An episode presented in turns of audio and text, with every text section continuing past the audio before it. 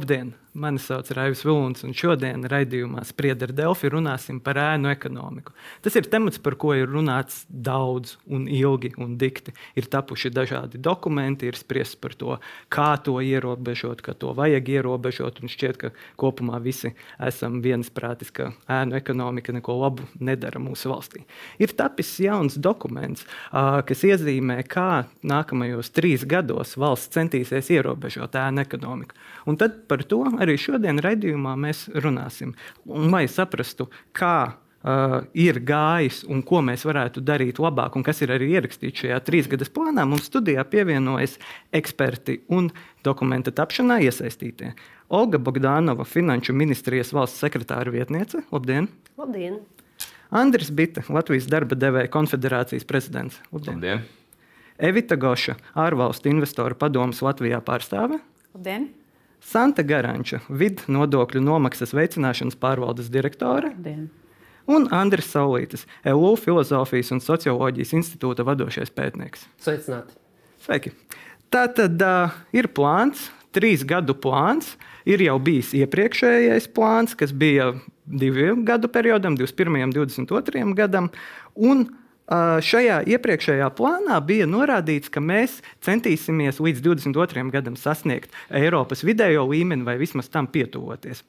Tagad, jaunajā plānā, kas ir tapis trīs gadē, mēs neplānojam pietuvoties Eiropas Savienības vidējam. Mēs plānojam sasniegt, varbūt par procentu samazināt, varbūt ambiciozos gadījumos nedaudz vairāk ēnu ekonomiku. Tad es uzreiz gribētu vērsties pie Finanšu ministrijas, pie Bogdanovas kundzes, lai pavaicātu.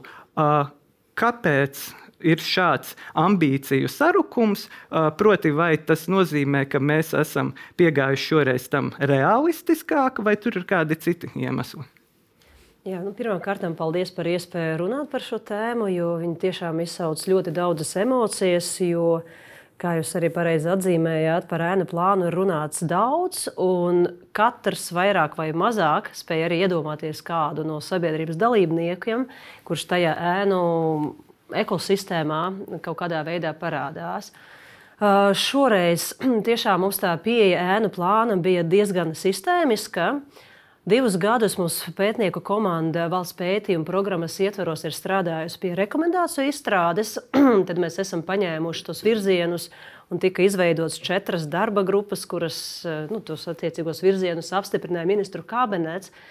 Kopā mēs paši saskaitījām, mums notika vairāk kā 20 apspriedes četros virzienos. Tas ir horizontāli saistībā ar skaidru naudu, vairumtirdzniecību, mazumtirdzniecību, tas ir saistībā ar informācijas apmaiņu, veselības nozari un būvniecības nozari.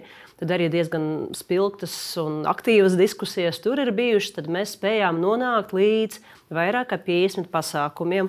Kā? kā mēs gribētu, kā mēs varētu samazināt ēnu ekonomiku valstī. Jāsaka, ka mums arī bija dažādi viedokļi, vai tā ambīcija ir pietiekoši augsta, vai tieši otrādi. Atsevišķiem dalībniekiem bija viedoklis, ka tā ambīcija varbūt ir maza. Šajā plānā mums ir arī veikti aprēķini. Un tiem aprēķiniem, fiskāliem aprēķiniem, vienmēr ir zināma metodika apakšā. Un, ja mēs paskatāmies konkrēti, kādas ir tās lietas, ko mēs vēlētos darīt, vienmēr var arī izkorelēt, kāds finansiālais efekts no tā būtu. Un, um, Vēl tas, ko mēs esam saskatījuši, ka kopumā, uh, protams, uh, jāatzīst, ka ēnu ekonomika ir saistīta ar kopējo ekonomisko attīstību. Tas nenozīmē, ka nav nekas jādara ar higiēnas lietām, par kurām mēs arī uzskatām ēnu plānā iezīmētās aktivitātes, bet jebkurā gadījumā Jo lielākā mums plaisa ir starp ekonomikas vidējo rādītāju ar Eiropu, jo lielāks piepūles ir jāpieliek, lai sasniegtu vidējo līmeni ēnu ekonomikas radītājā. Līdz ar to mēs ejam uz priekšu, un arī šajā plānā tīri juridiski mums ir dots mandāts risināt lietas līdz 27. gadam. Un te ir jāpaturprātā, ka daudzi pasākumi paredz arī informatīvo sistēmu izstrādi, regulējuma izstrādi, un tas prasa laiku. Un mums nav silver lodes, lai vienā momentā to ēnu ekonomiku samazinātu. Mēs esam iezīmējuši arī garāku periodu ar ļoti ambīciju, augstu ambīciju 30. gadā. tad virzīties uz to Eiropas Savienības vidējo līmeni. Tas būs liels izaicinājums, bet tajā pašā laikā mēs redzam lielu apņēmību un atbalstu no nevalstiskā sektora. Pie mums nāk nozares un nāk uz galda labas iniciatīvas. Līdz ar to es domāju, ka šajā reizē eh, tiešām tā deksme būs lielāka. Es ceru, ka viņa nepazudīs laika gaitā, bet nu, šobrīd es jūtu, ka mēs varētu arī virzīties uz to es vidējo. Jā, jā bet nu, vienkāršot, tas ir reālāks aprēķins. Nu, ja mēs salīdzinām ar iepriekšējo, tad iepriekšējo divu gadu periods nu, jau to laiku par to runājot, šķita, ka tas ir diezgan ambiciozs. Šis ir, nu, es saprotu no jūsu atbildes, ka reālāks datos balstīts ar dažādiem nozares pārstāvjiem apspriests. Nu, tas ir tas, ko mēs tiešām varētu mēģināt sasniegt. Tad es gribētu arī pavaicāt vaicāt uzreiz pārējiem dalībniekiem, varbūt Bitas kungam, viens procents gana par maz, par daudz.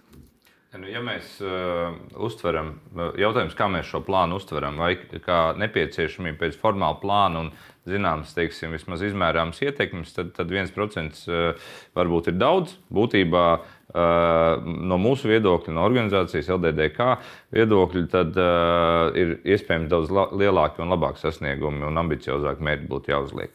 Bet tas prasa nedaudz citu pieeju, ko arī mēs argumentējam sarunās ar, ar, ar valsts pusi. Ka, uh, plāns nedrīkst, nedrīkst sastāvēt tikai no ierobežojušiem policiskiem un sodāmiem jautājumiem, bet ir jāmaina sistēma un jāveido motivējoša izmaiņas sistēmā, lai būtu motivējošāka biznesa vide, nodokļu sistēma. Un, un tam līdzīgas lietas varam pēc tam detalizētāk par to iziet cauri, lai mēs cilvēkus motivētu un uzņēmumus pāriet no uh, pelēkās ekonomikas uz balto. Uh, Uh, un tas ir darāms tikai kombinējot kopā motivējošu sistēmu ar pēc tam sodošu sistēmu. Viena pati sodoša, ierobežojoša sistēma nestrādās, tur šie varbūt pat esošie nelieli, ne īpaši ambiciozie mērķi arī netiks sasniegti. Mm -hmm, jā, uh, Gošas uh, kundze, ārvalstu investoriem uh, 1% šķiet ok, jo viena no tām lietām, par ko mēs runājam, ēnu ekonomikas apkarošanas kontekstā, ir tas, ka uh, šeit ir augsta ēnu ekonomika. Mums ir grūti piesaistīt ārvalstu investorus, jo viņi vienkārši šeit nevēlas iesaistīties tajā mūsu pusēnu vai pilnīgās ēnas uh, biznesā. Viņiem tas nav izdevīgi lieliem uzņēmumiem, tas uh, nu, reputācijas risks, un, protams, daudz uzņēmumu vienkārši ir uh, ētiski pret to. Vai uh, šis plāns un šis 1% uh, var palīdzēt, vai tas ir jāskatās tikai kā pirmais solis, lai uh, mēs tad nākotnē varētu kaut ko vairāk? Ārvalstu investoru padomes dienas kārtībā ēnu ekonomika ir ļoti augstu, jau ilgstoši, ilgus gadus. Un, protams, ka uz visu vienmēr var skatīties relatīvi. Viens procents neizklausās ļoti ambiciozi un ļoti daudz, bet šeit es noteikti gribētu atkāpties vienu soli atpakaļ un runāt par to, ka ēnu ekonomikas negatīvā ietekme ir daudz visaptverošāka nekā vienkārši negūtie ieņēmumi eh, valsts budžetā. Eh, un, proti, es pavisam īsi iezīmēšu skatītājiem, un klausītājiem un arī kolēģiem. Eh, protams, ka neiegūtie nodokļu ieņēmumi tas varbūt ir tas pirmais un redzamākais, tāds īstermiņa sasniedzamais mērķis. Bet patiešām, kā jūs jau minējāt, runa ir par negodīgu konkurenci. Tātad ar mazākām iespējām piesaistīt godīgus tirgus spēlētājus, tā skaitā ārvalstu investorus, bez kuriem tāda maza ekonomika kā Latvijas ekonomika patiešām ilgtermiņā nevar pastāvēt. E, tā ir arī ekonomiskā nevienlīdzība, arī ja mēs runājam par sabiedrību kopumā, tā skaitā par e, fiziskām personām. E, īstermiņā var būt kaut kādi ātri ieguvumi cilvēkiem, kuriem strādā ēnu ekonomikā. Vienlaikus, protams, ja mēs raugāmies uz viņu nākotni, vai viņu slimības gadījums, vai viņu pensijas vecums, bērni, bērnu ienākšana ģimenē un tā tālāk. Tās visas ir lietas, par kurām arī, manuprāt, mums vajadzētu daudz vairāk runāt, kādi būtu vispār tie ieguvumi būt ārpus ēnu ekonomikas. Tā ir, protams, kopumā arī samazināta ekonomikas izaugsme, tie ir izkropļoti vispār dati par ekonomiku, kas ir arī ļoti svarīgi. Tad šis darbinieku aizsardzības trūkums gan vispār darba vidē, ja, sākot ar pašu darba drošību, jau strādājot darbiniekiem, ja, tad viņi ir vai nu neredzami, ja, vai nu nedaudz redzami. Ja, un nemaz nerunājot par to, par situācijām nākotnē iespējamām. Tie ir, protams, arī vājināti sociālās drošības tīkli. Līdz ar to tātad, pastāvot tomēr lielai ēnu ekonomikas daļai vai īpatsvaram, tad, protams, ka mēs pat vairs sabiedrībā īsti neredzam, kam vispār ir nepieciešama sociālā palīdzība. Piemēram, Covid laiks to arī brīnišķīgi iezīmēja. Ja mēs dodam helikopteru naudu, ja, bieži es domāju, tā ir tā skaitā tāpēc, ka mēs pat nezinām, kam tad īsti tie līdzekļi vispār ir nepieciešami. Ja? Eh, varbūt kāds eh, turklāt izmanto eh, nu, šādu iespēju vispār ļaunprātīgi, ja? izliekoties par tādu milzīgu nabadzību, ja? lai gan īstenībā tie apstākļi ir ļoti labvēlīgi un, un, un tādi, diemžēl, ir arī daudzi uzturlīdzekļu nemaksātāji. Un, Tas, protams, ir arī šeit mēs runājam par patērētāju tiesību aizsardzības trūkumu. Es domāju, ka šis ir aspekts, kurš vispār ļoti reti tiek pieminēts. Un tīpaši, ja mēs runājam par būvmateriālu ražošanu un būvniecību, un, protams, arī par daudziem citiem sektoriem, tad, protams, mēs pilnībā aizmirstam, ka šie ražotāji vai šie darboņi, kas darbojas šajās jomās, tad, protams, nenodrošina pilnīgi neko. Ja? Tur nav nekādu garantiju attiecībā uz kvalitāti. Tā skaitā Tas var apdraudēt arī veselību un dzīvību. Un neaizmirsīsim arī Zolītūdas stāstu, kur arī, ja ne tieši varbūt mēs tur nerunātu par, par, par nodokļu nenomaksas kontekstu, bet tomēr tur bija darbības, kuras notika ja, neatbilstoši godprātīgai biznesa praksē. Un, protams, ka ēnā ir daudz vieglāk darīt visādas citas lietas. Tur pastāv korupcija, noziedzīgi nogūtu, iegūtu līdzekļu legalizācija un tā tālāk. Un šeit es varbūt, es domāju, ka mums noteikti ir ar, ar Bites kungu tas mērķis ir absolūti viens un kopīgs, bet varbūt es īsti nepiekritīšu tam, ka šis plāns konkrēti runā tieši par tādām varbūt ierobežojošām un sodošām lietām. Es gribētu drīzāk patiešām izteikt lielu paldies Finanšu ministrijai par darbu. Es domāju, ka ir milzīgi soļi spērti no iepriekšējā ēnu ekonomikas apkarošanas plāna, kurā citstarp mēs runājām arī par ogotājiem un sēņotājiem, ja, kuri ir jāpliek ar, ar nodokli. Bet šobrīd, ja, bet šobrīd tātad, eh, tās, tās patiešām būtiskās pozitīvās lietas, par kurām arī runā ārvalstu investoru eh, padome Latvijā, ir tā, ka ir nepieciešami šie horizontālie mhm. pasākumi, mēri, instrumenti, rīki, ar kuriem mēs ēnu ekonomiku varētu. Un, un mēs, protams, varam izmantot šo vārdu ierobežot. Ja, bet tā, mūsu mūsuprāt, nu, piemēram, ja mēs runājam tieši par tādu skaidras naudas apriti, mēs runājam ne tik daudz par tieši par ierobežošanu, Jā. cik šo pārskatāmības un caurredzamības veicināšanu. Skaidrai naudai mēs vēl tiksim drusku tālāk. Es, eh, es atvainojos, ka es. Jā, bet es vienkārši īsi, īsi vēl tomēr Jā. gribētu teikt, ka mums nevajag neko gaidīt. Mēs vienmēr varēsim atrast iegānstu nedarīt, bet ir mm. svarīgi darīt un skatīties, kā mēs varam darīt labāk. Jā. Uh, Saulīša kungs uh, no malas skatoties, uh, klausoties Goškundas, izklausījās, ka vajadzētu vairāk patiesībā. Nu, jau teicu, labi ir sākt, bet nu, tā man no malas skatoties, un gan jau kā auditorijai arī mūsu liekas, ka viens procents ir diezgan neambiciozs. Kā, ko jūs domājat, kas tur ir sarakstīts un vai ir, mēs ejam pareizā virzienā? Es varu precizēt, kurš pasākums, jūsuprāt, ir visveicinošākais? Mūsuprāt, viss, kas attiecas uz skaidras naudas apriti, sākot jau ar bezskaidras naudas, kā primārā līdzekļa algu izmaksai veicināšanu, nosakot to kā primāru. Jo es varbūt īsi atgādināšu arī, kā darba likumā Eh, ir vispār nokļuvis, nokļuvusi tāda panta redakcija kā šobrīd, ja, ka skaidra nauda ir primārais algas izmaksas veids. Mm. Es atgādināšu, ka tas jau ir tapis laikā, nevis lai kaut kā eh, runātu par bezskaidru un skaidru naudu. Tas, šis, šī redakcija ir tapusi laikā, kad aktuāla bija piemēram eh, algas izmaksa konservos, vai cukurā, vai kādā citā teksim, jā, jā, ne, jā, preču jā. veidā.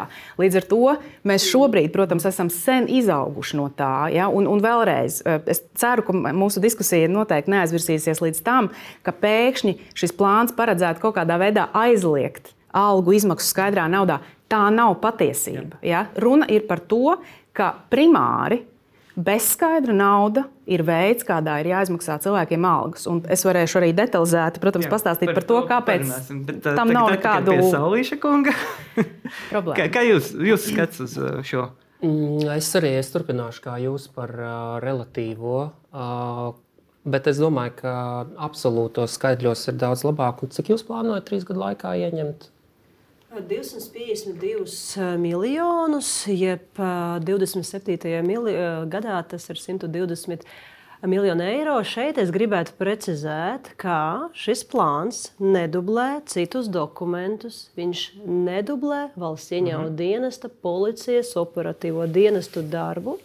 Šis plāns ir par dokumenta nosaukums, ir plāns par konkrētiem pasākumiem, kas ir uzskaitīti konkrētajā dokumentā. Un katram, protams, ir sava metodika, kādos nodokļos, kas ir aprakstīts arī plānā. 250 vai nebija 137 gadījumā, vai es kļūdos? Uh, tur bija plānā, iespējams, tas, ko jūs domājat. Tur plānā mums ir aprakstīti vairāki scenāriji, kā mēs varētu iet. Plāns vispār sastāv no divām daļām. Pirmajā daļā mēs, kā arī Ficela kolēģi, paskaid, nu, iesākusi jau skaidrot, vispār stāstam, ko cilvēki saprot ar ēnu ekonomiku, jo tas jēdziens ir gana plašs. Jā. Mēs skaidrojam, kas ir tie dažādie subjekti, lai nesanāk nu, salīdzinot profesionālus ēnu ekonomikas dalībniekus ar tanteņu, kas pārdod zeķus tirgū. Jā, pilnīgi jā, dažādas bet, lietas. Jā, bet pilnīgi dažādas mērķis šeit ir, ir 120 miljoni. Jā, jā, tas tabulā. ir konkrētajā daļā. Agresīvais būtu 326, bet uz to mēs tad īsti laikam tas neskatāmies. Tas nozīmētu, ka mēs, nu, godīgi sakot, melot sev, vai tas ir, ir iespējams iegūt šo īstermiņa efektu, bet tas būtu noteikti ar negatīvo bet efektu uz uzņēmēju darbību. 120 miljoni vai ne? Tas, 27. Tas... gadā tas mūsu aprēķins atbilstoši pasākumiem ir 120 miljoni mhm. eiro. Pret 50 uh, pasākumiem aptuveni, ko jūs minējāt. Tur bija vairāk kā 50 pasākumi, un tie pasākumi ir jāsaka, viņi arī korelē savā starpā. Viens pasākums var būt, ka karavīrs pļāvā, to rezultātu nesasniegtu, bet ja nu jau pieminētās algas primārā algas izmaksu bezskaidrā naudā plus vērošana, kā un kādās summās tiek iemaksāta nauda bankomātos Jā. kopā. Par nodrošina ļoti tiksim. labu efektu. Atsevišķi droši vien. Es vēl aizvien gribu daudz salīdzinājumu. Rēķinu tālāk 120 dalīts ar 50 plus ir aptuveni 2 miljoni ar asti uz katru pasākumu. Nu, zinātniski nav korekti salīdzināt, zinu, cik, bo, cik tur zupā jā, vai nē.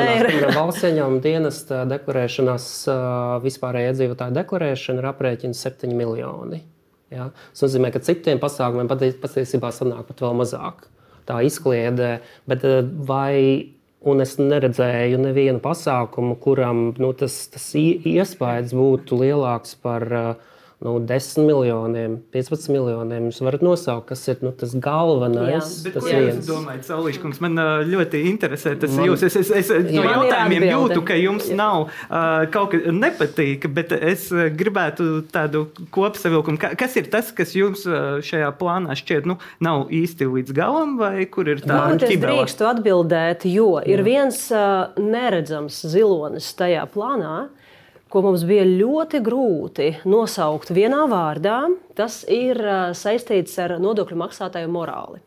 Tas ir tas, ko Ficels nu jau ir ieminējis. Cilvēki neapzinās. Viņi izvēlās to savu īstermiņa labumu, nesamaksāt, piemēram, to pašu sociālo mm -hmm. nodokli. Paskatāmies uz cipariem, uz mūsu iedzīvotāju skaitu un paskatāmies, kāds ir pensiju fonds turpmākajos gados. Jā. Ja cilvēki nemaksā sev to naudu šodien, Viņi ir milzīga riskā. Nu, lūk, kā cīnīties ar šo nodokļu morāles? Un īstenībā pētnieki ir atzīmējuši, ka, diemžēl, mūsu valstī nodokļu morāli ir viens no Zema. lielākajiem Jā, izaicinājumiem. Tad mums aiziet horizontāli. Man liekas, ka neviens plāna punkts pret šo uh, jūsu galveno pieminēto problēmu, kur mūsu viedoklis saskan.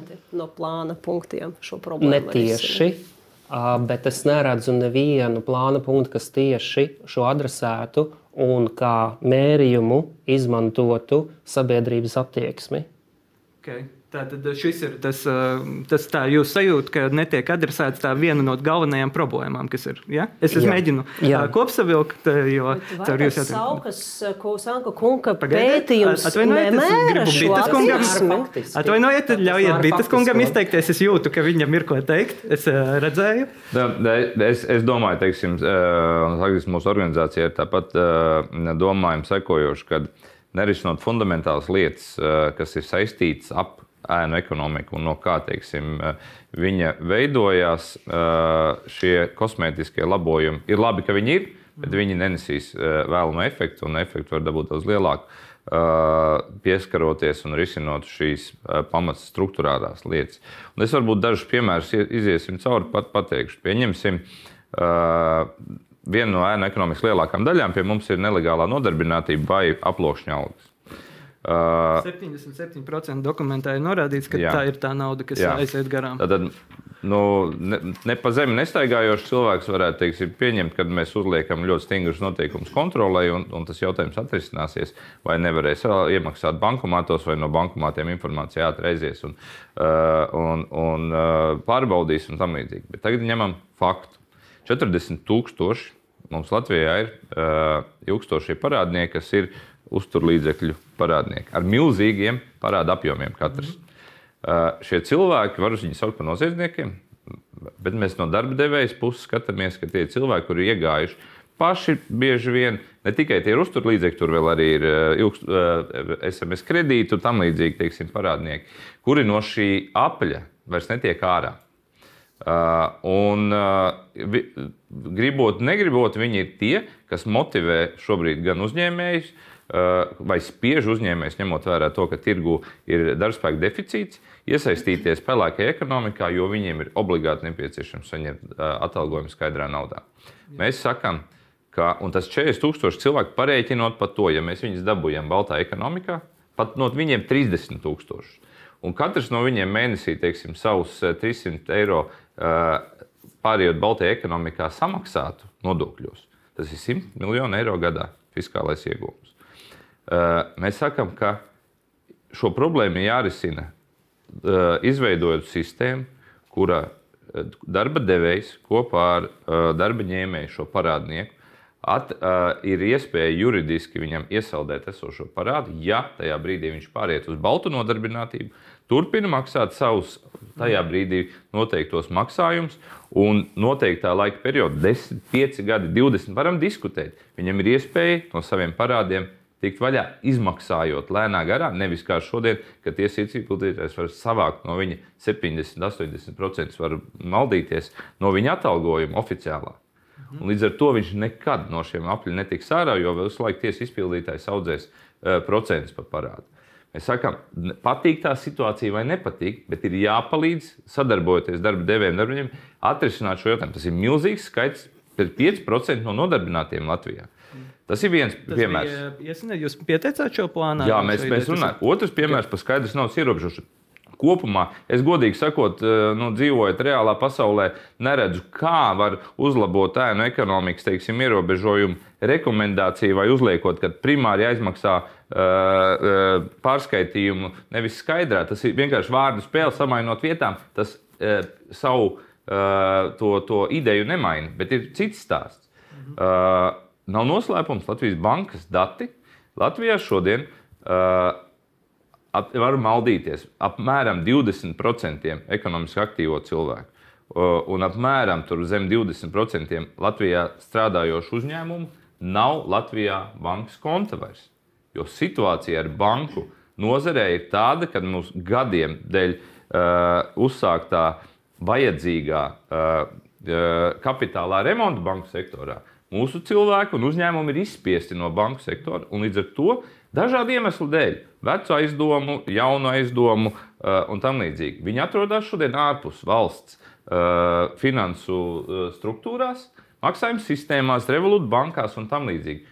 Un viņiem nav citu iespēju šeit, kā tikai strādāt šādā gadījumā ar skaidru naudu. Ja mēs nerisinām šo jautājumu, ka katram cilvēkam un katram uzņēmumam Latvijā ir garantēta tiesība uz savu kontu, Jā tad mēs netrisināsim ar piespiedu kārtā šo jautājumu. Jā, paldies. Es gribētu iesaistīt tagad valsts ieņemdienas. Es redzu, ka Gaškundzei ir ko teikt, tūlīt, bet mums arī valsts ieņem dienas, tāpēc ka jūs jau esat tie, kuriem šie nodokļi ir jādabū ārā no cilvēkiem. Kā jums izklausās tas, ko, piemēram, Bitas kungs teica, un vai šajā dokumentā ir kaut kas, kas jums palīdzēs to izdarīt? Jo jums būs tas viens procents, tad jāmēģina izspiest no kaut kurienes. Jā, paldies. Es gan gribētu teikt, ka tas viens procents nebūs tas, ko mēs mēģināsim izspiest. Jo paldies Gošas kundzei, kas iezīmē, ka ēna ekonomika tas nav nodokļu un valsts cieņām dienesta tāda šaura problemātika. Tā ir stipri lielāka. Un šajā plānā patiešām nav par to, ko valsts cieņām dienests mēģinās izspiest. Šajā plānā ir par sistēmiskiem risinājumiem, kuriem ir jāiedod uh, tāds grūdienis, motivācija tai situācijai mainīties. Valsts cieņām dienests strādā un turpina strādāt Un um, jau pieminējām, tātad uh, pievienotās vērtības nodokļa kontekstā ēnu ekonomika īstenībā ir ļoti maza. Mēs Eiropā esam ļoti labos rādītājos. Kāpēc? Nu, piedodiet, ka es tā teikšu, varbūt ne tāpēc, ka bija iepriekšējais ēnu plāns vai vēl iepriekšējais, bet skaidrs, ka tas arī varbūt palīdzēja bet tie ir virkne dokumentu, virkne aktivitāšu. Tā skaitā tas, ka pievienotās vērtības nodoklis, tas ir Eiropas līmeņa nodoklis, viņš ir regulēts, ir direktīvas par to, ka mums valstīm visām ir jācīnās pret krāpšanu un tā tālāk. Un veicot daudz dažādus pasākumus, kuri ne tuvu visi nebija atrunāti tajos ēnu plānos, kas bija, mm. mēs esam no 30% nonākuši līdz aptuveni 5%. Savukārt, darba spēka nodokļos nu, līdz šim tas ir bijis ārpus tāda, tāda liela fokusa. Uh, un arī tā tolerance ir bijusi stipri lielāka. Tā pašā laikā mēs strādājam, mūsu iepriekšējā stratēģija ir tolerance vai sabiedrības sabiedrībā. tolerance. Pārsvarā tā ir sabiedrības tolerance, jo tas tiek uzskatīts, nu, kas tur tāds ir vai ne? Nu, kas tur tā ir, lai jau cilvēkam tiek. Mēs strādājam, mēs arī iepriekšējos trīs gadus strādājām, koncentrējoties tieši uz šo aploksņu augu fenomenu. Turpināsim strādāt, bet pie esošiem rīkiem nu, mums tie, tās rokas ir tik garas, cik viņas ir. Meklējam visdažādākās iespējas, uh, mīkstā veidā, stingrākā veidā. Pārsvarā mēs šobrīd strādājam ar šo mīksto veidu, mēģinot uzrunāt dažādā veidā, ar dažādu saturu vēstulēm, stāstot par citiem, par viņu, par salīdzinājumu un tā tālāk. Un tas dod rezultātu. Tas nav milzīgs rezultāts, tas nav tāds agresīvs darbs, ko mēs darām. Mēs viņu darījām un turpināsim darīt arī nākamajā periodā. Līdz ar to par, par valsts cieņām dienas tiešā darba rezultātu šajā dokumentā nav neviens cipars. Uh, Bet es domāju, ka visos budžetos, kas tiks eh, jau šis budžets, kas ir nākamajam gadam, un uz priekšu, viņos visos jau ir iebudžetēts tas, ko mēs kā valsts ieņēmuma dienas izdarīsim. Jā, bet uh, labi, tagad, uh, Goškundze, es jūtu, ka jums sakrājās jau vairākas punkti, tad droši lūdzu. Jā, es, es tiešām gribētu gan, gan papildināt, gan, gan, gan komentēt pāris lietas, un, un tie būtu tādi novērojumi gan tieši no ārvalstu investoru padomes puses, gan arī nu, es atļaušos izmantot arī iespēju un, un runāt arī savu uzņēmumu vārdā, proti, es pārstāvu būvmateriālu ražotāju Švenku kas ir tātad, ar mācības uzņēmumu Vācijā. Un, par, par, par tiem konkurences jautājumiem un par, par, par to, ko mēs redzam tirgū arī nu, jau ilgstošu gadu gaitā.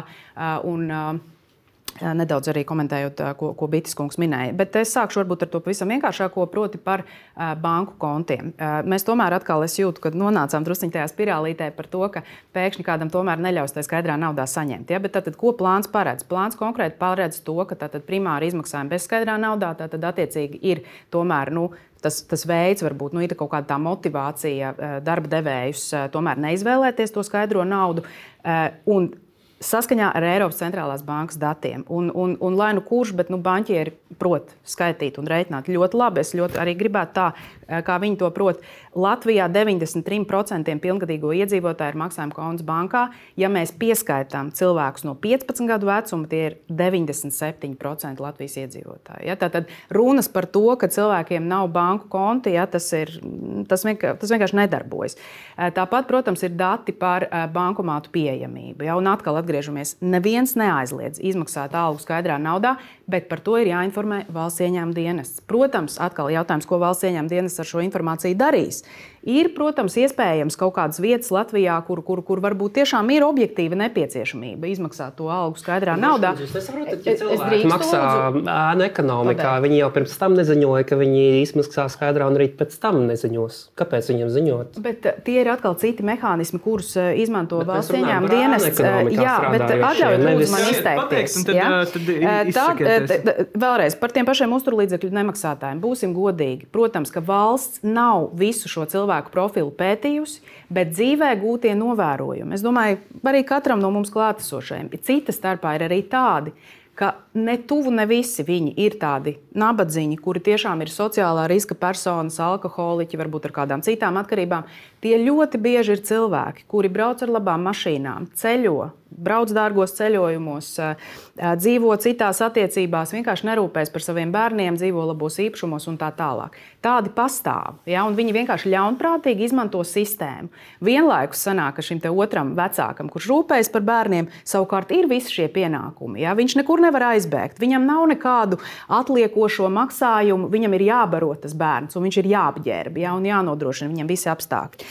Nākamais komentārs par par, par dzīvē gūtiem novērojumiem attiecībā uz to, kas notiek ekonomikā. Nu, atkal, nu, nav tā, ka tie nodokļu sistēmas izmaiņas tagad būtiski mainīs uzvedību. Tas, ko mēs redzam, nu, kaut vai teiksim, tajā pašā būvmateriālu ražošanas sektorā, mēs katru gadu, nu, vienkārši jau tas ir kļuvis par tādu iekšējo humoru gandrīz. Ja? Mēs veicam nu, tādu, tādu, tādu vienkārši tādu apkārtnes vai, vai, vai citu tirgus dalībnieku izpēti, un atkal tie ir ļoti vienkārši dati, pamatā, protams, bāzēti elementārā finanšu pārskatu tādā, nu, izpētē. Un mēs redzam, ka lielie negodprātīgie darboņi, kā viņi atklāti darbojās, tā viņi darbojas. Ja? Un ārvalstu investoru padome uzskata, ka tieši šī nesodāmības apziņa, tas, ka brīvi var rīkoties, tas, ka mums ir sludinājuma portāli, ja, kuros brīvi ir pieejami uh, pakalpojumi bez PVN, kur ir pēc gada pārskatiem acīm redzami, uh, redzams, ka uh, tā tad nepieaug. Tā tad, sociālās iemaksas uz darbiniekiem. Ir acīm redzami, ka vidējais oficiālo darbinieku skaits vienkārši nav iespējams tik mazs, lai, piemēram, šāda veida apgrozījumu uzņēmumam konkrētam nodrošinātu. Ja? Tātad šie uzņēmumi zeļ un plaukst šobrīd ēnu ekonomikā. Es ļoti gribētu, gribētu cerēt, ka jā. tiešām vidi sūta tās vēstules. Mēs arī gadiem esam dzirdējuši ja, pa, pa, par šo, ko jūs minējat, pavaicāt.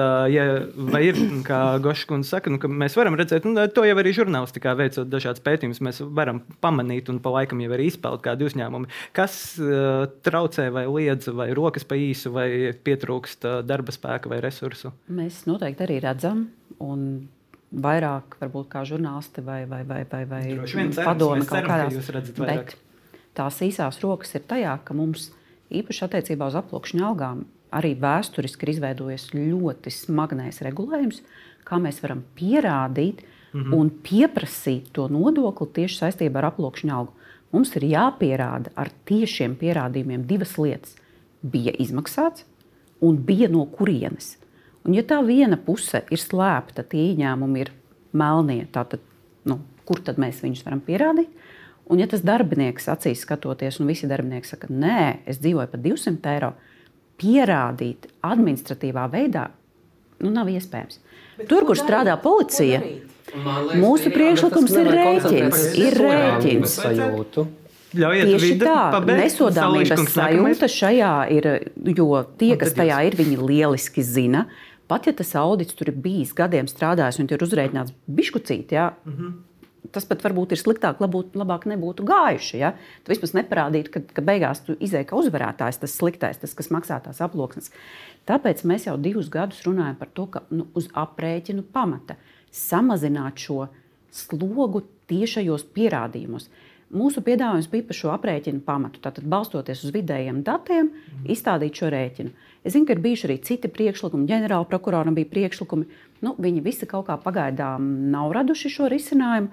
Jaunajā plānā tās, tās, tās iezīmes ir, bet, ja paliek tas smagais pierādīšanas stāsts, nebūs nekā atšķirīga. Vēstules mēs sūtām, tas, kas tāds tikai drusku pelēks, varbūt drusku tur to baili vai, vai nu, pamostās kaut kāds godaprāts.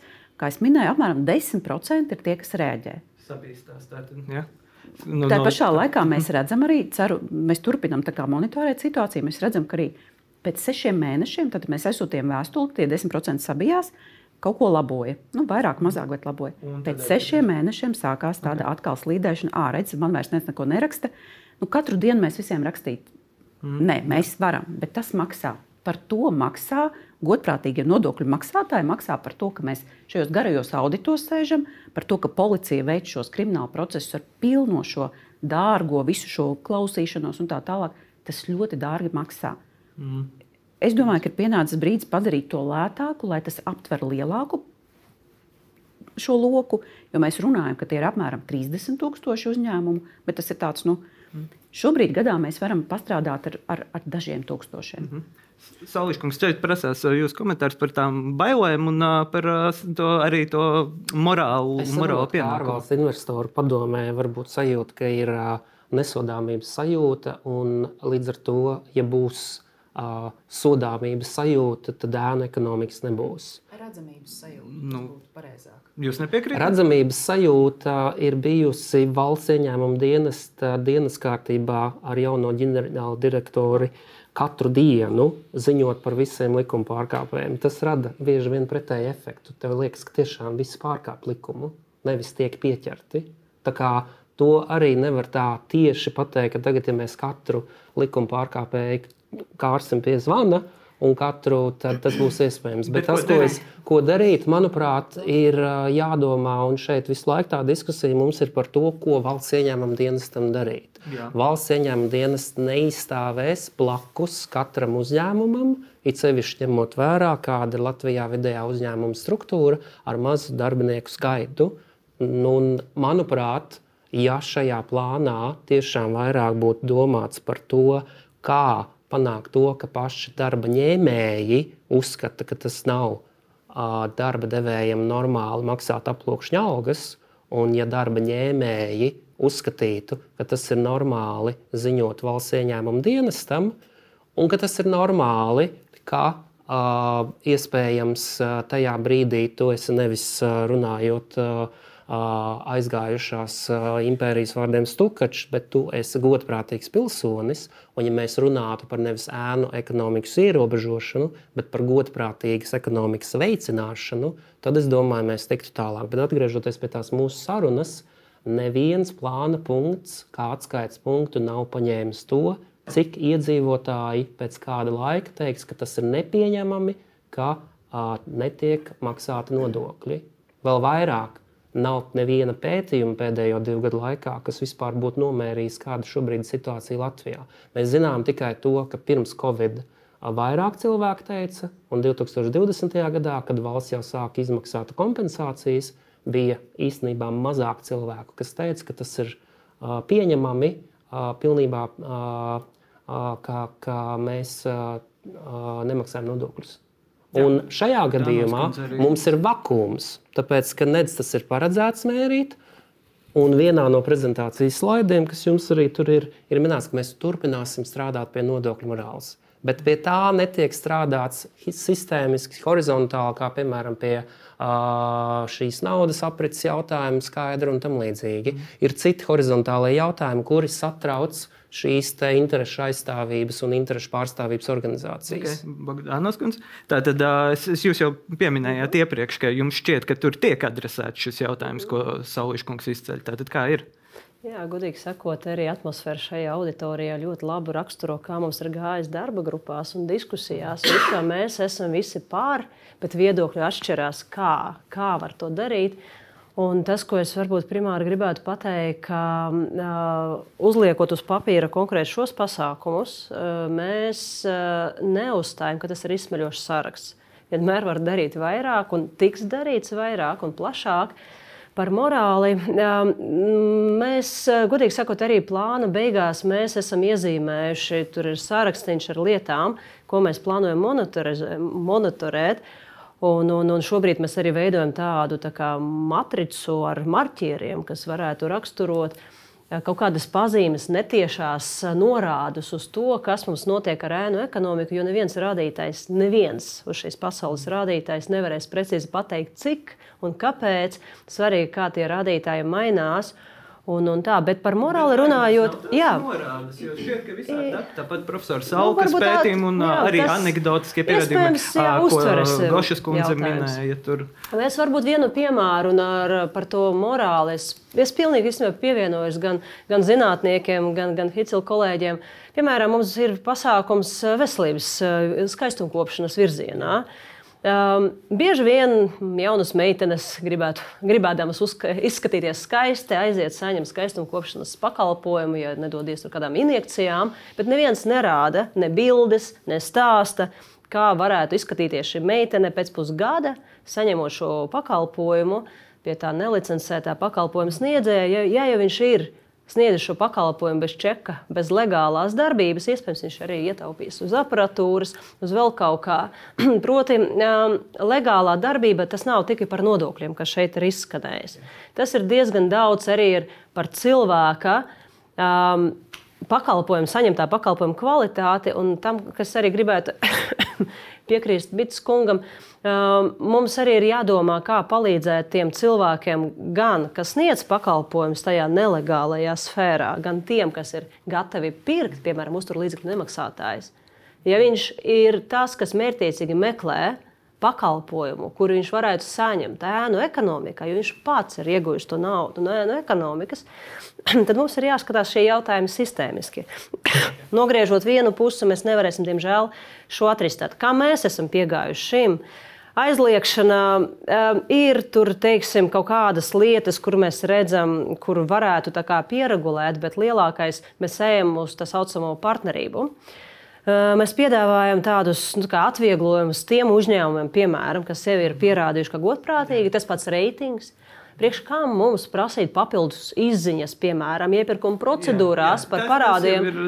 Dārām, veicinām. Tajā pašā laikā mēs prasām. Tagad pie uzņēmuma puses sapratu. Pēdējo, jā, pabeigšu jā. komentāru. Tātad datu nodošana valsts ieņēmuma dienestā par to, kāds uzņēmums un cik daudziem darbiniekiem ir samaksājis skaidrā naudā. Laukos ir labi, Rīgā kāpēc? Vienam labi, visiem kāpēc? Nu, šī informācija nonāk mums uz galda, un mēs varam mērķiecīgi skatīties, kā ar šo strādāt. Nevis vairot ierēģu armiju, kuras stāvēs pie katra Jā, nodokļu maksātāja. Bitas kungs, jūs iepriekš esat minējis šajā pašā studijā, sēžot, ka nodokļu nemaksāšana, PVN, karuseļi un viss tāds ir pusmīnus izbeigts, bet dažiem uzņēmumiem, dažiem uzņēmējiem tās kaut kādas nodokļu izvairīšanās ir pat veids, kā izdzīvot. Ka, vai mēs runājam, ka nodokļu nemaksāšana ir Latvijas Nokia?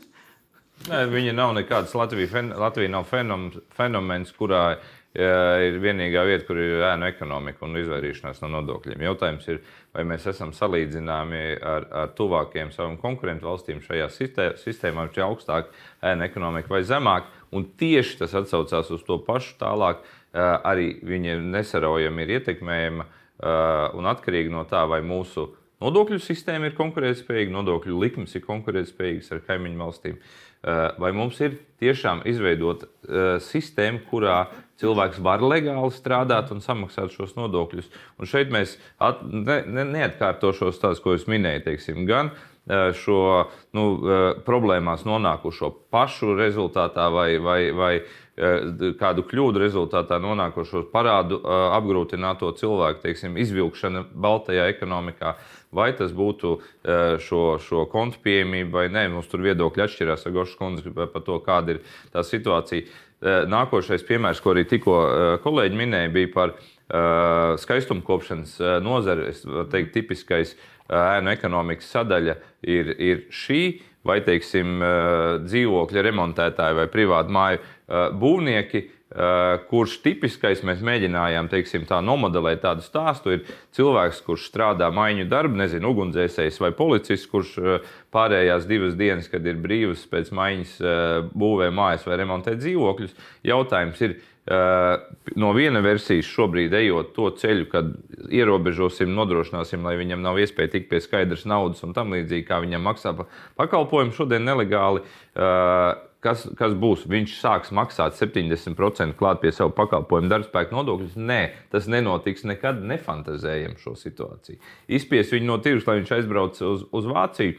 Varbūt tas uh, ir risinājums, bet diez vai mums ekonomikai tas ir labi. Mēs sakām, ieviešam šo mazā biznesa regulējumu, saucam amatniecības biznesu vienalga, teiksim, kas būtu tāds, kas ir starp privātu personu attiecībās, kurā ir viegli un ērti šim cilvēkam nomaksāt nodokļus. Pieņemsim, tas ir saimnieciskais konts vai kā viņš saucās, kur automātiski aizskaita no katras saņemtās. Bet tai likmei ir jābūt nevis kā mēs iedomājamies, darbspēka nodokļa likme tur 70% no neto izmaksājumās algas, bet pieņemsim, varam diskutēt no, no 11%, 15% kaut kas tāds. Ja, teiksim, kur viņš varētu ietvert šo savā pakalpojumu cenā. Viņš būtu legāls, transparents, redzams bankās, viņš labprāt uz to sistēmu aizietu.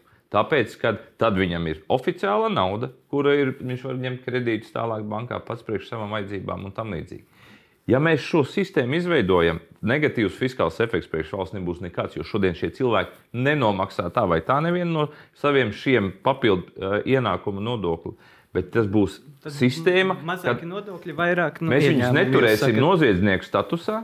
Mēs ļausim viņiem pamazām kļūt, un varbūt pēc tam kļūt par uzņēmēju, jau kas kā sijās sniedz pakalpojumus citiem uzņēmumiem. Mēs varam diskutēt, vai tas ir jau privāti personām tikai attiecībā uz šādu risinājumu ievies vai tam līdzīgi. Jā. Bet mēs sakām, tieši tā liela atšķirība, varbūt, kur mums ir zināms, teiksim, nesakrīt viedokļi ar ārvalstu investoru padomu, ka mēs sakām, ka mēs piekrītam ēnu ekonomiku un pilnīgi atbalstam, ka tas ir, ir bēda un tā ir problēma, bet risinājumi ir jābūt ne tikai kontrolējušiem, bet arī ar sistēmu veidojošiem, kurā šie cilvēki ir spējīgi to nomaksāt. Pēdējais uh, punkts par to pašu uh, ēnu ekonomiku darba algu nomaksās.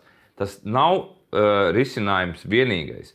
Bet mums ir jāsaprot, ko mēs vienmēr esam teikuši, kā darba devēja organizācijas, abas divas LTRK un LDDK, par to, ka mūsu darbspēka nodokļu sloks ir augstāks nekā kaimiņiem. Un tas sastāda pietiekami nopietnu ciparu. Pie vienāda atalgojuma neto līmenī manā uzņēmumā, piemēram, es maksāju 800 tūkstoši eiro gadā vairāk nekā, ja es atrastos Igaunijā vai Lietuvā.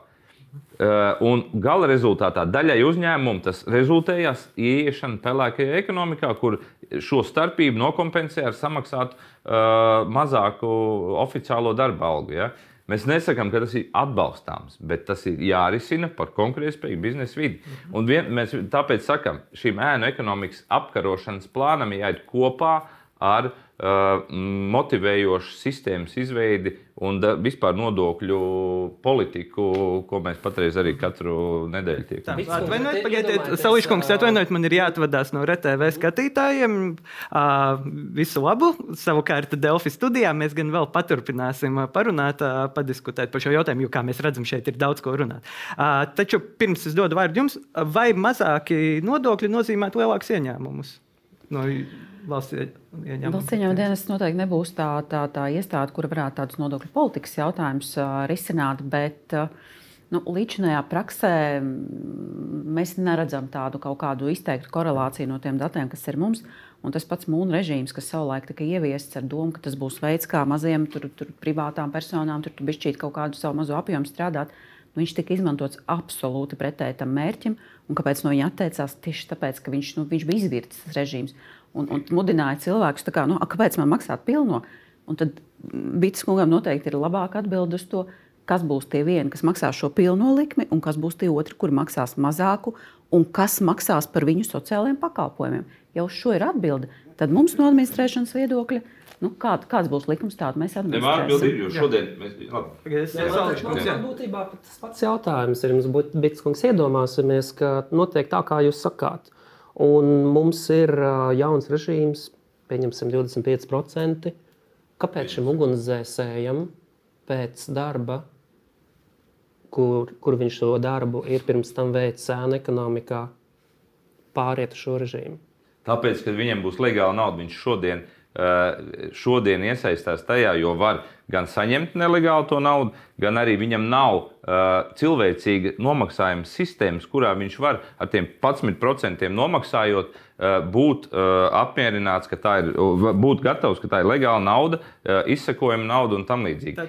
Jo viņam otrs ir, risinājums... cilvēki grib maksāt nodokļus. Proti, ka tas nav, es... ka problēma ir sistēmā, nevis kaut kādā nostājā. Bet šaubām es tomēr uzskatu, ka vienalga, vai tas ir mazais bizness vai, vai lielāks bizness vai pavisam liels kā ārvalstu investors šeit nav cilvēka un uzņēmēja pamatdoma, kā tik atrast un izvairīties no nodokļu nomaksas. Es teiktu, tā, strādājot 30 gadus uzņēmējdarbībā, šī kultūra un, un, un nomaksas un teiksim, tā, tā attīstība kultūrā vairāk saprast, kāpēc tu maksā nodokļus, Eh, kāpēc tas ir nepieciešams? Saprast to, ka tev ir riski, kurus tu vari zaudēt, ja tu nemaksā, eh, kādas vērtības tu vari zaudēt, ja nemaksā nodokļus, ir ļoti gājis uz pozitīvo pusi. Ir vēl šie pelēkās zonas, bet es saku, tās ir iespējams risināt ar motivējušiem, nevis tikai ar apkarojošiem elementiem un, un, un pasākumiem. Tad jūs domājat, ka, ja, ka cilvēki uzskata, ka, ja, ja, nu, ka, ka visi grib maksāt nodokļus, tikai problēma tajā, ka man nav piemērota nodokļu režīma. Jā, es uzskatu, nu, ka visi. Sabr... Es nevaru ap, absolūtos, absolūtos skaidļos teikt, ka visi, bet viņiem ir jautājums, ir, vai nodokļu sistēma, režīma un lielums ir sabalansējams ar to, cik maksā izvairīties no viņiem un ko tas tev maksās gan finansiāli, jo jebkura izvairīšanās no nodokļiem, tas arī ir izmaksas. PVN gadījumā mēs zinājām, kā tas notikās. Ja, teiksim, šajā gadījumā, lai dabūtu skaidru naudu, uzņēmējs samaksāt tam uh, nodokļu parādniekam vai tam uzturlīdzekļu parādniekam skaidro naudu, viņam ar tas maksā. Jautājums, vai tu sabalansēji šīs izmaksas, ka tev maksāt nodokļus ir nedaudz izdevīgāk nekā nemaksāt? Es saprotu, bet saprotiet, tā ne, situācija, ja šī būtu Latvijas sabiedrība, pieci cilvēki, tad divi no klātesošiem pateiktu, ka tas nav absolūti nepieņemami nemaksāt. Jūs būtu viens no. Es, es jā. nerunāju par savu apgalvojumu, es runāju par datiem. Šajā gadījumā jūs runājat par anekdotiskiem gadījumiem, ko jūs kā nozarē redzat. Es redzu datus, kas ja, ir reprezentatīvi. Tā ir realitāte. Tā, bet es redzu realitāti Latvijas sabiedrībā, ka divi no pieciem saka, tas ir ok. Var arī nemaksāt nodokļus. Nē, es domāju, ka šodien cilvēki, es, es oponēšu no tā viedokļa, ka cilvēki šodien no saņemot 40%. sociālos, 40%. saņemot sociālos uh, labumus, uh, gan mēs redzam, uh, kur ir lieli kolektīvi, kad šī, do, šī sapratne no darba ņēmēja arī radikāli ir mainījusies. Ka šodien viņš saprotot, ka bezdarbnieku pabalstu viņš varēs dabūt, ja kaut kas notiks, slimības pabalstu varēs dabūt, ja kaut kas notiks, un tam līdzīgi uh, motivēt cilvēku prasīt uh, oficiālu pilnu algu, un šī sistēma uzlabojās ar katru gadu. Uh, un šī, šī sapratne, kāpēc ir jāmaksā šie nodokļi. Šodien lielākais vairums tiem, kas prasa izvairīties no nodokļu uh, maksāšanas vai maksāt skaidrā naudā, ir tie, kas ir problemātiskajā sektorā. Kā jau teicu, 40,000, kam ir parādi, kur atņem visu no konta. Kāpēc 40 nesarūk šobrīd Latvijas sabiedrības? Kā, kāpēc, kāpēc nesarūk jau šobrīd, ja jau cilvēki apzinās šīs lietas? Un tomēr pēc datiem mēs redzam, ka nav pēdējos gados ir pat nedaudz pieaudzis ēnu ekonomikas apjoms. Es, nema, es tiešām es no sajūta līmeņa, ņemot vērā, ka es strādāju ikdienā reālā biznesā un tādā teiksim, nu, diezgan plašā, es teiktu, ka ēnu ekonomika samazinās. Bet uh, tas ir jāņem vērā viena lieta, ka uh, es nezinu tiešām, kā ir balstīt, uz ko ir balstīti šie aprēķini. Bet, uh, sajūtu līmenis katram arī un katrā uzņēmuma lielumā un līmenī ir ļoti dažāds. Jo jums ir dati, jūs pētat tirgu, kas notiek būvniecībā. Es desmit gadus atpakaļ teiktu, ka uh, ēnu ekonomika ir 90%, jo es dzīvoju tādā sistēmā tajā laikā. Ja? Uh, un, un šobrīd es saku, ka viņas gandrīz nav, jo es savā uzņēmumā to neredzu riņķī. Ja, teiksim. Bet tā nav. Mēs, mūsu uzdevums uh, arī lielajām darba devēja organizācijām ir tomēr nevis tikai skatīties no sava redzējuma, ka mēs esam lieli, veiksmīgi Latvijas mērogiem uzņēmumi un mēs apkārt neredzam šo ēnu ekonomiku, bet redzēt, ka kad ir arī dažāda līmeņa, dažādi problemātiski, dažādi uh, finansiālā stāvokļa esoši uzņēmumi. Ja, teiksim, kur izvēlās un kuru motivācija un, un, un uzvedība uh, attiecībā ar nodokļu nomaksu ir savādāka nekā mums, uh, tiem, kam ir jau kaut kāda teiksim, uh, iespēja dzīvot legālajā. Okay. Gašas kundze, ārvalstu investoru padomu skatījums samazinās sajūtu līmenī? Nu, ārvalstu investoru padome nekad nerunā par sajūtām. Ārvalstu investoru padomē ļoti patīk dati. Un ārvalstu investoru padome arī no publiskā sektora ļoti vēlas vienmēr sagaidīt datos balstītu politiku. Un es domāju, ka kopumā, kopsavilkot, redzot, ka radījuma, radījums tuvojas noslēgumam, es gribētu teikt, ka Es domāju, tās atšķirības jau mūsu vidū varbūt nav tik lielas. Eh, vairāk es eh, šeit esmu sadzirdējis šīs stundas laikā, ka mums ir atšķirības par to, ko ar ko vajadzētu saistīt, varbūt ar ko vajadzētu sākt un kādus akcentus salikt. Ja, un, un, un tur varbūt nu, kopumā tas, tas, to, to mērķi mēs saprotam, ka mēs visi dzīvosim labklājīgākā un solidārākā sabiedrībā, ja tā ēnu ekonomika mazinātos. Un mums ir pētījumi, kuros mēs varam balstīties, varam tos salīdzināt ja, un, un, un vērtēt, protams, kāds pasākumu kopums būtu tas vērtīgākais. Un es vēlreiz gribu uzsvērt, ka mūsuprāt, nav runas tikai par kaut kādiem ierobežojošiem un sodošiem pasākumiem. Absolūti nē. Tā skaitā, protams, arī publiskā sektora pusē mums būtu tiesības prasīt vairāk caurskatāmības, atbildīgāku rīcību, ja, teiksim, dažādu projektu īstenošanu, efektīvāku šo nodokļu maksātāju samaksāto līdzekļu izlietojumu. Skaidrs, ka tās visas lietas ir saistītas, bet es gribētu uzsvērt, ka nekad nebūs situācija, kurā nodokļus mēs visi tā vienkārši vēlamies, jebkādā apjomā samaksāt. Skaidrs, ka tam sistēmai ir jābūt eh, nu, teiksim, līdztiesībā balstītai, solidārai un, un tā tālāk. Ja? Tur ir jābūt noteiktiem kritērijiem, un ka tiešām mēs izjūtam, ka šī nodokļu sistēma ir taisnīga. Ja mēs izjūtam, ka tā nav taisnīga, tad, protams, mums jārīkojas, lai tā būtu. Bet kopumā nekad nestrādās tikai burkāns. Mums ir jāatceras tomēr, ka uh, noziedzīgi nodarījumi pret tautsēmniecību, kuru vidū ir arī izvairīšanās no nodokļu nomaksas, tas ir krimināla likuma tvērums. Ja? Un tad man ir tiešām šis retoriskais jautājums, kāpēc mēs cita rakstura noziedzīgus nodarījumus pret personu, ja? pret valsti kopumā ja? un dažādās, dažādās citās sfērās, ja? palasam krimināla likuma sevišķo daļu Un tad man ir jautājums, kāpēc mēs nerunājam tur par kaut kādu morāli? Kāpēc mēs nerunājam, piemēram, par to, vai nonāvēt cilvēku ir morāli vai amorāli? Bet kāpēc mēs runājam par to, vai maksāt nodokļus ir morāli vai amorāli? Un kā, kāpēc mēs vispār par to diskutējam? Nodokļi ir jāmaksā, jo mēs gribam dzīvot drošā sabiedrībā, mēs gribam izglītot bērnus, mēs gribam pārvietoties pa ceļiem, Eh, mēs gribam dzīvot nu, civilizācijā, ja? un, un, un mēs nevaram bez nodokļiem iztikt. Un skaidrs, ka mums ir jāsadarbojas Un jāmeklē tie labākie ceļi, kā to darīt, lai mēs nonāktu tiešām nu, pie šīs taisnīgās sistēmas. Un kopumā, protams, ka Latvija ir brīnišķīgi izdevusies valsts. Mums vienkārši ir jāmeklē tie veidi, kā mēs to varam padarīt vēl labāku. Ja? Un, un, un, un mums noteikti šeit ir ļoti daudz saskarsmes punktu. Mēs nenonākam nekādās pretrunās. Bet nedarīt neko vai meklēt iegānstus, kā nedarīt, nu, tas nav veids. Mums vajag darīt. Un mēs šis plāns, atgriežoties ja, pie konkrētā uh, diskusijas uh, temata, šis plāns ir daudz labāks nekā jebkurš plāns, kurš ir bijis sastādīts iepriekš. Mm -hmm, paldies. Saulīša kungs, jums ir bijuši arī konkrēti ieteikumi par to, kā vajadzētu šo risināt. Vai jūs varat ieskicēt, ka, ko, kā jums šķiet no malas skatoties? Jo mēs šeit nedaudz apspriedām plānu, un, diemžēl, mums nav laika ieiet visās sīkākajās detaļās. Bet kas, kas jūsuprāt, visvairāk iztrūkst? Mēs divus gadus Finanšu ministrijas uzdevumā pētījām šos jautājumus, un arī sektoros, kurus Finanšu ministriju saskaņojām, kas bija būvniecība.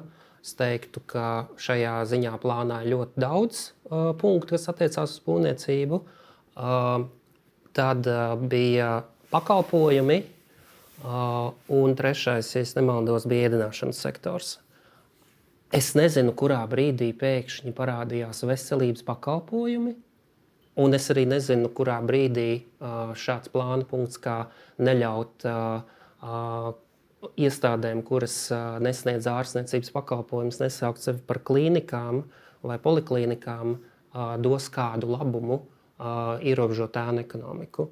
Man liekas, ka tas ir sekundāri, un man liekas, ka viss tas, kas tur attiecās uz veselības aprūpi, ir par kvalitātes kontroli, nevis par ēnu ekonomiku. Kas ir savstarpēji saistīts lietas, kā jūs pieminējāt, arī dzen, saistībā ar Zolītūdas traģēdiju. Mēs redzam, ka kontrole un ēnu ekonomika iet roku rokā, bet tad, manuprāt, šis plāns ir par kontroli, nevis par ēnu ekonomiku un nevis par uh, veicināšanu. Uh, kas attiecās uz mūsu ierosinājumiem, uh, Es neredzu nevienu uh, pasākumu, kas būtu vērsts pret uh, sabiedrību, kura arī dzen, uzskata liela daļa, ka par to nav jādiskutē par nodokļu morāli, jo lielai daļai sabiedrības ir uzskats, ka nodokļus var nemaksāt. Tāpēc, manuprāt, ir jādiskutē, jo šajā telpā, manuprāt, visi uzskata, ka tas ir jādara. Bet tur ārā ir ļoti daudz cilvēku, kuri bez diskusijām uzskatīs, ka nē. Bet, ja mēs diskutēsim un runāsim ar cilvēkiem, kuri tā nedomā, manuprāt, mēs vairāk panāksim kaut ko šajā sabiedrībā. Un tur bija arī ierosinājumi, kas bija tādi, kuri no mums tika prasīti, bet kaut ko oriģinālu, kaut ko tādu, nu, kaut kas tāds, kas nav bijis. Jo tās visas lietas jau nu, mēs zinām. Bet, nu, Ziniet, kā mums ir valstī. Mēs uh, esam radījuši neskaitāmus uh, režīmus, lai nu, tas cilvēks beidzot būtu kaut ko izdarījis. Un tad mēs saprotam, ui, ko viņš darīs pēc 40 gadiem, kā viņš izdzīvos. Un tad mēs sakām, ok, mainām autora atlīdzības uh, sistēmu, lai šiem cilvēkiem būtu nodrošinājums kas notiek trīs gadus, mēs nevaram to nekādīgi pieņemt. Visu laiku politiķi viņu atceļ. Un tāpēc es saku, šis plāns ir reāls. Tāpēc, ka to ir veidojuši lielākoties, manuprāt, valsts iestādēs strādājošie, kas ir uh, amatpersonas valsts, bet ne politiķi. Tāpēc šis plāns nav ne tuvu ideāls. Tāpēc, ka politiķiem ir jāvirza savas idejas un jāveido ideāla valsts, nevis reāla nu, mums būs reāla valsts. Tas vēl jums pēdējais vārds, bet uh, vid, uh, kādi rīki šobrīd iztrūkst un uh, vai ir. Uh, Kaut kāda cerība, ka jūs saņemsiet to palīdzību. Jūs arī iepriekš minējāt, ka nav bijis atbalsts uh, konkrētiem plāniem, konkrētiem pasākumiem, kas jums ļautu izķert tos cilvēkus, kurus jūs uzņēmums precīzāk, kurus jūs jau zinat, ka viņi faktiski ir šajā ēnu zonā. Kas jums iztrūkst un ko vajadzētu no tātad, finanšu ministrijas un no uh, kopumā valdības? Nu, kā jau minēju, viena šī lieta ir tā iespēja vienkāršākā veidā, bez tik sarežģītiem gariem procesiem, pierā, pieprasīt šo nodokli maksāt. Un šī ideja ir plānā. Es ceru, ka šī plāna darbības laikā nu, nonāksim pie konsensa.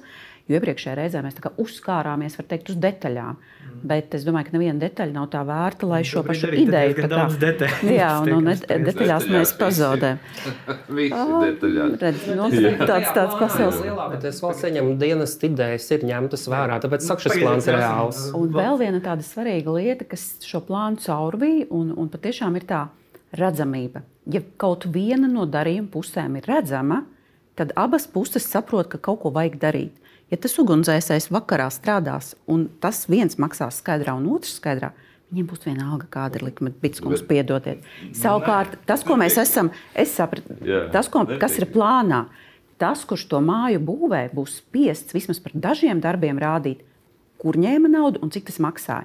Un tajā brīdī mēs ceram, ka tās abas puses sapratīs sistēmiski, ka Nu, Šis ir tas gabaliņš, kur tomēr vajag padomāt, ka vajag kaut ko arī legalizēt. Ļoti pareizi. Un tālāk, ko, uz kādu nodokļu eh, sistēmu čēsies? Uz, uz 70% tādas, algu nodokli, tādas, likme, tas nav nodarbinātās, pašnodarbinātām personām ir drusku savādāk tā likme. Bet patiešām, tad, nu, kādas mūsu valstī likmes ir un kāpēc viens mazāk maksātu un otrs vairāk, nu, tas atkal ir jautājums par šo taisnīgumu. Es joprojām uzskatu, ka visi darot vienādu darbu pie vienādiem apstākļiem, nu, ir jābūt šai likmei vienādai, ja vien tam nav kaut kāda objektīva izskaidrojuma. Nevis tas, ka viņš visu laiku nemaksāja un tagad varbūt sāks maksāt, ja varēs maksāt vairāk. Līdz ar to tā redzamība, kas šajā plānā ir ļoti daudzos punktos. Mēs kā valsts ieņēmuma dienas būtu gribējuši vēl vairāk, bet jau ir ļoti labi šis Es ceru, ka šie soļi iedos un aizvien nākamie soļi, ka mēs šo informāciju saņemam, arī bez šī plāna. Nākošais gads sāk strādāt SESOP datu apmaiņa. Tad mēs redzēsim, kas notiek e-komercijā ar šiem mazajiem, kas tur kaut ko tirgo, it kā mazajiem. Ja? Bet varbūt tur tomēr arī ir, ir pietiekami liels tas apjoms, kur mēs jau varēsim strādāt. Tas, kas ir redzams, tā jau ir puse no veiksmes. Mm -hmm. Jā, un tad uh, Finanšu ministrijai nosacīti pēdējais vārds, vai uh, palīdzēsiet sasniegt tos mērķus, ko vidus nospraust, tos uh, rīkus, kuri ir nepieciešami, kuri nav iezīmēti šajā plānā. Un, uh, jā, un, uh, kā, kāds tad ir kopējais vispār uh, politiskais fons un atbalsts šim visam? Mm, jā, es varbūt nedaudz sanākšu atkārtoties no manas ievada runas, jo šajā plānā bija iesaistīti ļoti daudzas puses. Zinātnieki uzlika pamatus. Tad nāca ministriju vadītas darba grupas, kur piemēram par klīniku tas bija pasākums, ko nozare bija pieteikusi. Viņi redz, ka cilvēki manipulē ar to, ka varbūt nav ārstniecības iestāde, bet saucās klīnika. Nu, Tur ir ļoti daudz teiksim, tā, tādu dzīves stāstu apakšā. Man liekas, kur tās daudzas emocijas tieši parādās. Jo kā, nu, katrs cilvēks sev ir iezīmējis to ēnu ekonomikas dalībnieku kaut ko savu. Viens ir ugunsdzēsējs, kas strādā vakaros, citas ir profesionāls, kad ne pie vienas likmes nekāda mūžā nestrādās. Tā viņam ir profesija, uh, nezinu, ticība, un tur ir pilnīgi cits. Šajā plānā nu, mums sanāca apkopot tos pasākumus, kas orientēt uz dažādiem no nu, subjektiem. Un tāpēc arī tas izraisa ļoti daudz emociju. Finanšu ministrija, protams, paliks kā atbildīga koordinējošā iestāde. Arī plānā ir iezīmētas ministrijas, kas ir atbildīgas. Tas, kas mani priecē, kas arī, piemēram, ir jādara, arī nozarē sēnu ekonomika atšķirās. Vienā nozarē viņa ir lielāka, citā viņa ir mazāka. Man tiešām priecē, ka nozares nāk pie mums ar institūciju. Piemēram, pagājušo nedēļu mēs pavadījām dizaina domāšanas eh, darbnīcās, kur bija ministrijas, nozares, visi slēgtām durvīm izkaujamies, strādājam pie risinājumiem. Tikai tā var arī saprast, kur ir tie konkurences kropļojošie instrumenti, tie dzīves stāsti, kā. Bet tajā pašā laikā nu, arī mēs nevaram aizmirst, ka teiksim, tiem cilvēkiem, kas nāk ārā no ēnu ekonomikas, viņiem kaut kur nu, viņam ir jādodas. Ja, piemēram, tie paši uzturētāji uzturu līdzekļu nemaksātāji.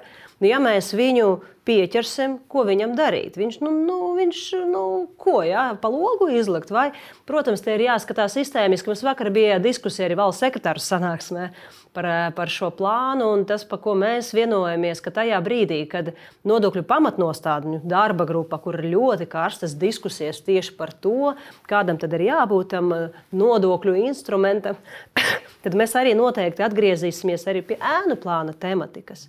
Jo atkarībā no tā, kā mums veidojas kopējais uzņēmēja darbības fons un nodokļu likmes, mums ir, mums būs atskats un sasaistā ar ēnu ekonomiku. Bet, jebkurā gadījumā, tas, ko mēs nedrīkstam pieļaut, gaidot, kad mēs vienosimies par likmēm, mēs neko nedarām, ka mēs neatvieglojam dzīvi, piemēram, tiem godīgajiem, ka mēs um, neejam uz vienkāršošanu, uz datu apmaiņu. Kāpēc? Kur ir iemesls nedarīt tas lietas, kas ir šobrīd ēnu plānā?